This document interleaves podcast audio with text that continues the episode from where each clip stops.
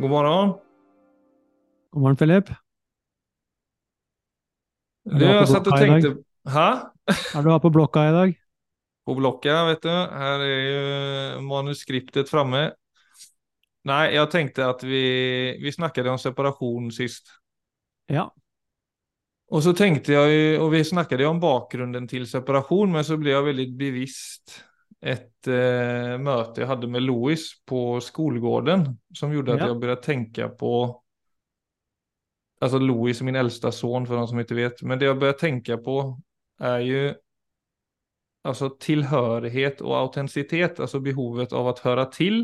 Mm. men også det i oss, altså det, den inneboende riktningen som på en måte er det som er sant i oss.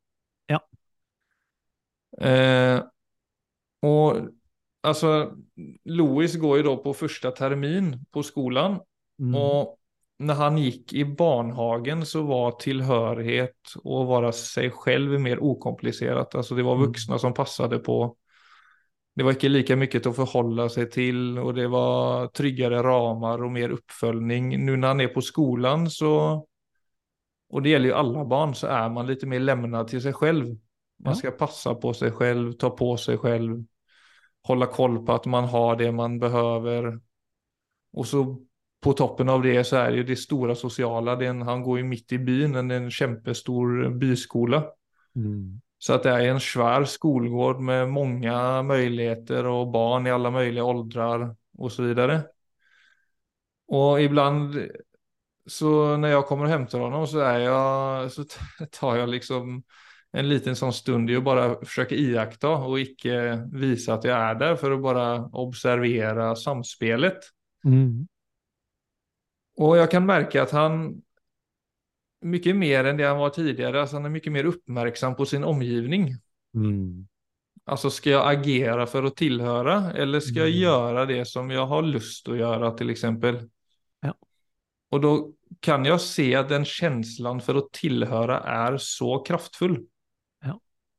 Ja. Och såklart så behöver man ju det när man växer upp, men samtidigt så kompromissar ju vi, för då gick jag också till mig själv och hur jag har växt upp och hur jag lever idag, men alltså man kompromissar så mycket med vår egna inneboende riktning. Mm. Och så ska man då som 18-åringar börja fatta egna beslut och handlingar och vi ska börja ta hänsyn till eh, ja, vi ska ju höra till då också och vara anpassningsbara i det stora samhället. Absolutt. Men min første, altså min refleksjon, da, det det leder til til oss er jo, hva til eksempel skal vi akseptere og kan vi gjøre som foreldre i den Alltså på, for, for våre barn då till exempel som hele tiden eh, utsettes for det her. Og som vi pratade om litt i förra avsnittet så er jo en stor del av utanförskap og eh, ensamhet en känsla av en grundläggande distans till sig själv. Mm. Eh, och vanan att tillhöra är så gott inarbetad att vi ser fort bort ifrån våra egna behov. Ja. Det er veldig interessant, altså. det, det er utrolig interessant at du Ja, bare det du gjør der å være, være tilskuer. Ja, det er alltid en viss spenning spänning eh, det. Man står liksom der litt sånn på... eh, Ja, det er ikke så mange ganger jeg får så mye energi som når jeg står der og bare ser. Nei.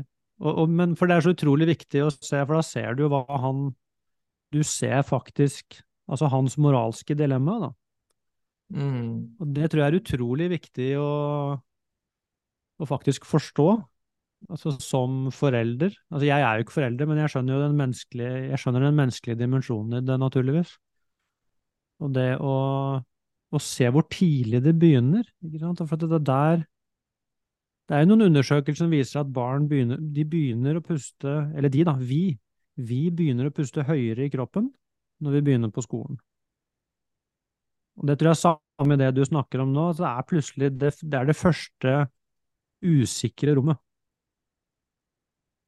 Ja, Hvor du Mm. blir selvbevisst på den måten. Og da, og, så vi beskytter oss også ja, Vi beskytter oss ved å egentlig kanskje legge bort det vi dypest sett kjenner er sant, for å tilpasse oss flokken, eller kanskje da lederen eller lederne i flokken.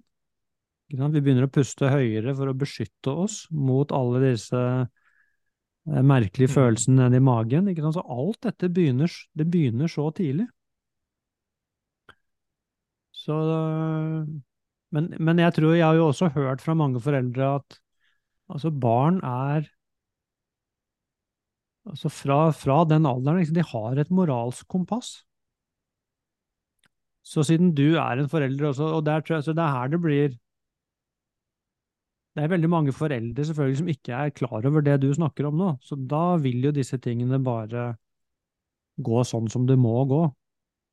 Men jeg tror egentlig barn er De er uh, tilgjengelig for den type moralske refleksjoner. Ja, jeg tror har, egentlig med et riktig ja. språk så tror jeg faktisk Ja. det også. Og så er det jo det, det, det er ju ett paradox där också i det liksom behovet av å tilhøre samtidig handler jo tillhöra, alltså den, den sanna känslan av att tillföra eller tillhöra Ja. är ju det att kunna uttrycka och vara sig själv. Som Ja. igjen da peker tilbake mot det å være autentisk. Så det er i hvert fall å kunne snakke om det, altså, og, og igjen, altså sånn altså, Du nevnte jo et eksempel, det tror jeg kanskje ikke du sa eh, nå i podkasten, men du nevnte det for meg før vi starta, dette med at du så han La oss si en av, en av hans venner blir utsatt for noe på fotballbanen, og så kan du omtrent se at hva gjør jeg nå, liksom? Skal jeg, jeg gå imot flokken og, og stå med vennen min, eller skal jeg gå med flokken? Mm. Og, og det å løfte fram den type problemstillinger og, ikke sant, og spørre med en helt åpent hva som skjer følelsesmessig, da. Altså, for den type dilemmaer skjer jo hele tiden. Er klart de har Så bare det å få lov til å sette ord på det som et barn, å kunne snakke om det uten at det er noe pekefinger involvert, eller bare den type tematikk egentlig er oppe, det tror jeg i hvert fall tror jeg i hvert fall kunne være godt for et barn sin. Det er klart de kjenner på disse følelsene, og det er ikke noe annerledes for dem enn det er for, enn det er for oss. Altså, så, man, ja, så blir man tenåring, og så kommer man til første arbeidsplass, så, men det er jo fortsatt det samme problemet. Altså, hva skal Hva er det som eier meg? Hva er det som, er det som eier jeg-følelsen min? Er det det at jeg bare tilpasser meg for å passe inn? Eller, eh, eller er denne følelsen av jeg må være ekte, så får det får jeg heller ta konsekvensen. Det er jo egentlig en sånn Ja, det er jo et av menneskets Det er jo menneskets egentlig sånn evig dilemma fra dag til dag, altså. Så det, det er så, så det endrer seg jo ikke. Nei, og det er interessant å se, som du sier, det eksempelet så som jeg stod og iakttok der, og Louis hamnade i den situationen der det var en kompis som ble både liksom talad til på et litt stygt sett Mm. og knuffad liksom. Och så ser du ju det moralska kompasset i Louis. Mm. Så det er jo ikke bare noe som fyker i vei og blir med flocken. Nei. Og det er jo også veldig synlig. Jeg hadde, også, jeg hadde spesielt speciellt en venn när jag växte opp, som merkelig nok Nå sier jeg alltid for det var så det opplevdes klarte av å gjøre det riktige. Ja. Altså, det var en, en kille som var ut, utstött, som han hadde, ikke som helt tett på nabo, men som nabo. Og han var egentlig en veldig cool kille og kunne henge med hvem han ville. Men som dette eksempelet, altså han killen som var utenfor og fikk ganske mye Fikk tåla ganske mye, både det ene og det andre.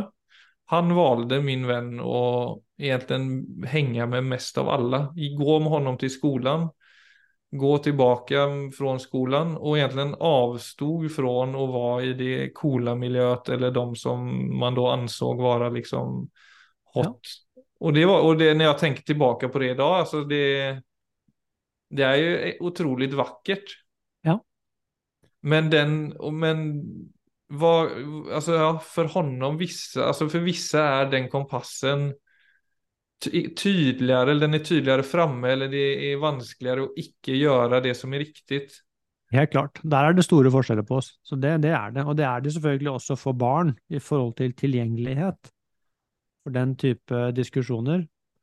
Så det må man også selvfølgelig være bevisst. Men det er, eh, det er veldig interessant, altså. For det er Men kan det også komme fra familien? Jeg tenker sånn, Det er jo den, den første kjernen. Om du får en absolutt skikkelig bra tilhørighet i din kjernefamilie, så må jo det Ja. påvirke kraftig.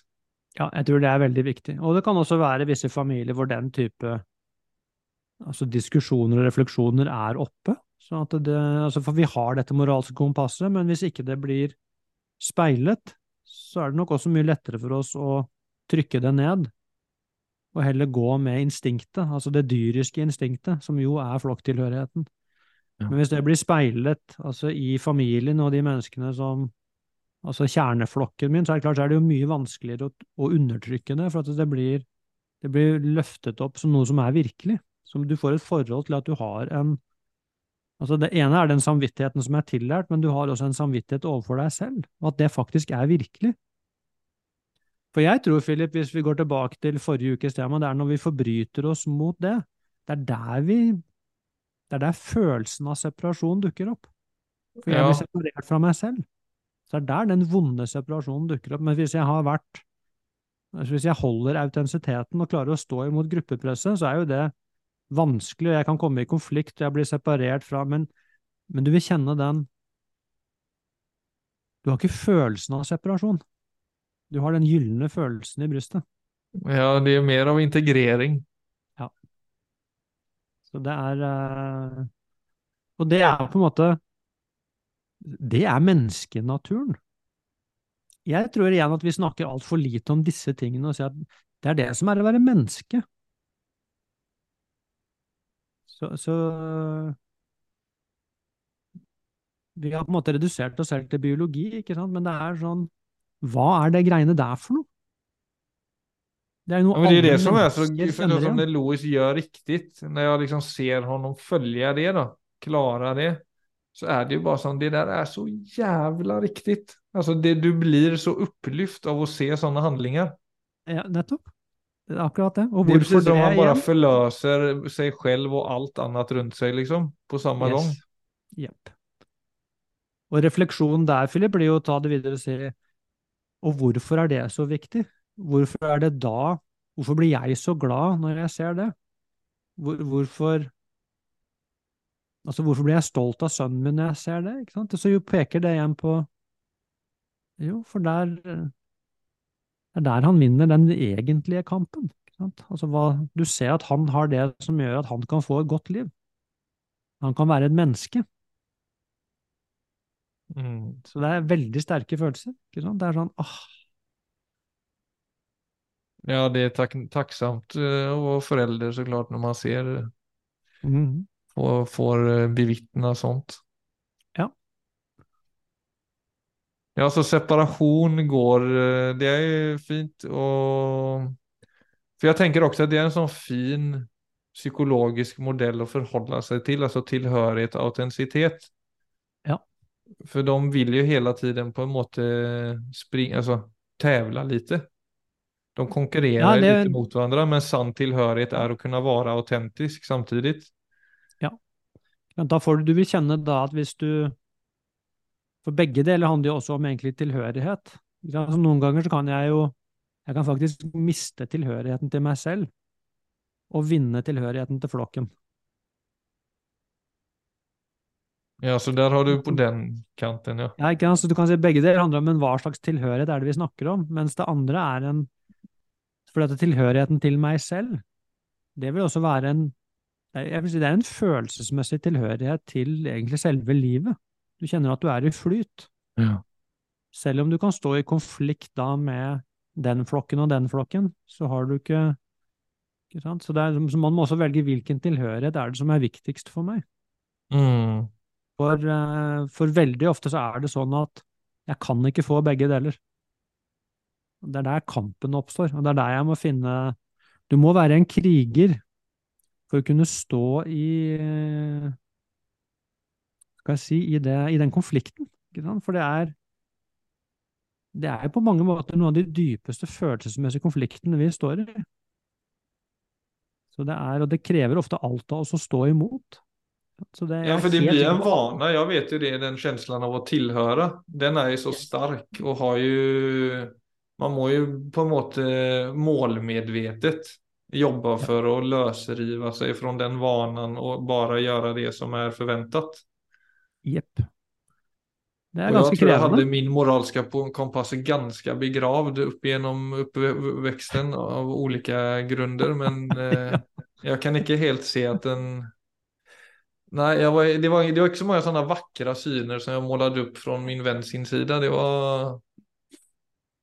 Men jag säger inte, det var nog lite mer klassiskt. Att man... Ja. Eh, man gjorde, man bara... Allting skjer jo per automatikk også. Man er jo Ja, det, er akkurat det. Det er nettopp det. Og så er det noe med å ikke leve man må, Det går an å se på dette uten å legge inn skam og skyld, altså, for det er jo bare mekanismer. Men altså disse flokkdyrmekanismene er utrolig sterke. Og, og hvis ikke man er det bevisst, for dette handler jo også om tilstedeværelse. Det er jo først når jeg blir bevisst at det er forskjellige krefter i meg som har veldig forskjellige konsekvenser, det er først da jeg egentlig får det, det du kan kalle et valg. Så dette handler jo også om, som du sier, altså, så hvis det moralske kompasset er begravet, så har man jo ikke et reelt valg. Da følger man flokken. Og så, og så skjer jo livet, og plutselig så våkner man til dette dilemmaet, ikke sant? Altså, da dukker jo egentlig, da våkner man egentlig til eksistensen. Og da er det et helt annet refleksjonssystem som begynner, for da er det alltid hm, skal jeg gå dit eller dit? Så kommer det, da begynner dette å blande seg inn, dette med hva skal eie livet mitt? Plutselig så blir denne type ting viktig, og fram til da så har det vært totalt uviktig. Det har ikke vært på radaren i det hele tatt. Og det kan skje når man er barn, det kan skje når man er tenåring, det kan skje når man er voksen, det kan skje når man er middelaldrende. Det er ikke noen regler på. Det går an å være totalt ubevisst disse tingene fram til man er middelaldrende, faktisk. Og så plutselig og smeller det til. Og så begynner det. Da er det en annen, en annen reise som begynner. Ja, för det för mig, jag upplevde det, alltså för mig var det ju, det har jag berättat i podden, men att det var väldigt från den ena dagen till den andra. Ja, det är ofta det. Ja, det kanske det är via en eller annan kris på något sätt och vis. Kris, Ja. bra, lite rim i podden. Men eh, det var ju, da er det jo plutselig så at du forstår at du trenger ikke å gjøre det dina tanker og følelser sier. Ja. Eller det er jo bare precis som om du har fått et sånt utvidgat blikk og Ja. ser på deg selv, mens tidligere så har du bare utagert Ja. någonting uten at du har vært klar over egentlig hva det er. Men Ja. det som er rart, jeg vet ikke om det er vanlig, for jeg opplever at den måten å leve på, så som det var för min del i alla fall, att det, de minnena liksom blir väldigt oklara. Jag har alltså... Ja, för du säger att det är vanligt att, det, att man kan uppleva det från den ena dagen till den andra, att man plötsligt vaknar upp till det sättet att leva på. Men för Ja. mig har det blivit väldigt dimmigt, alltså väldigt svårt att få fatt i den personen jag var innan jag började se på det här. Ja, ja. Men det er jo kanskje ikke så rart heller, for det er jo på mange måter Det er jo som om det nesten er Altså, det er Philip 1-0, og så er det plutselig Philip 2-0 som dukker opp. Mm. Og Philip 2-0 han, han opererer så annerledes at Philip 1-0 kommer mer i bakgrunnen. Altså, det blir vanskelig Ja, det var meg, liksom, men samtidig så var det så annerledes at det så Det syns jeg ikke er så rart at det blir skjøvet uh, i bakgrunnen, egentlig. Jeg vil jo tenke at det er sikkert store forskjeller der òg, men det er i min erfaring så er det, det er veldig mange liv i, i ett liv. Altså jeg vil si at jeg har levd mange liv innenfor dette livet. Mm. Og det er eh, Og mange av de andre livene, det er på en måte så Det er det samme for meg, de er så fjernt for meg. Det er nesten som om det var en annen person. Mm. Så, mens andre har sånn fotografisk hukommelse liksom, rundt hva som skjedde på, på ungdomsskole og videregående, og omtrent hva man snakket om, hva man gjorde. Altså For meg så er det rett og slett bare Jeg har ikke tilgang på det engang, altså. Om jeg prøver. Nei, det kan jeg kjenne igjen. Og. Det er jo veldig mange som holder, eller har et väldigt eh, klart bilde om barndommen. Ja. Og nesten lever igjennom den til og med. Ja, Det er akkurat det. Dette, så det blir en kort episode i dag, Philip, rett og slett fordi jeg skal uh, rett inn i et nytt møte. Men dette, var, dette er et Vi har vært borti disse tingene selvfølgelig mange ganger, men dette er et veldig viktig tema. Altså. Dette, dette, er Dette er liksom helt Her står man egentlig liksom sånn på, i et veikryss og ser altså hvor og, og akkurat om det er to veier, og du kan, hvis du i tankegangen din går ned den ene veien og sier hva slags liv blir det? Jo, det blir den type liv. Altså, ok, hvis jeg går til høyre og lever etter dette, blir det? Det blir to helt forskjellige liv. Så det å få med seg litt sånn konsekvenstenkning inn der, det kan være også veldig støttende til For du vil kjenne det med en gang. Altså, hvem ønsker jeg å være av disse to karakterene? Ja, det er veldig, jeg tror det for min del er det veldig godt å falle tilbake på en modell som man liksom for våre känslor og tanker er til tider veldig komplekse og veldig mye nyanser i det. Ja. Så att, att ta den blicken eller ta den jobben kan være veldig svårorienterat. Ja. Men det å bryte det ned i två begrepp som tilhørighet og autenticitet, det var for meg veldig oversikt, eller det ga veldig mening. Ja, det er veldig fint. Veldig, veldig fint. Men da skal du få lov til å springe videre. Flott, Filip. I dag. Takk for i dag.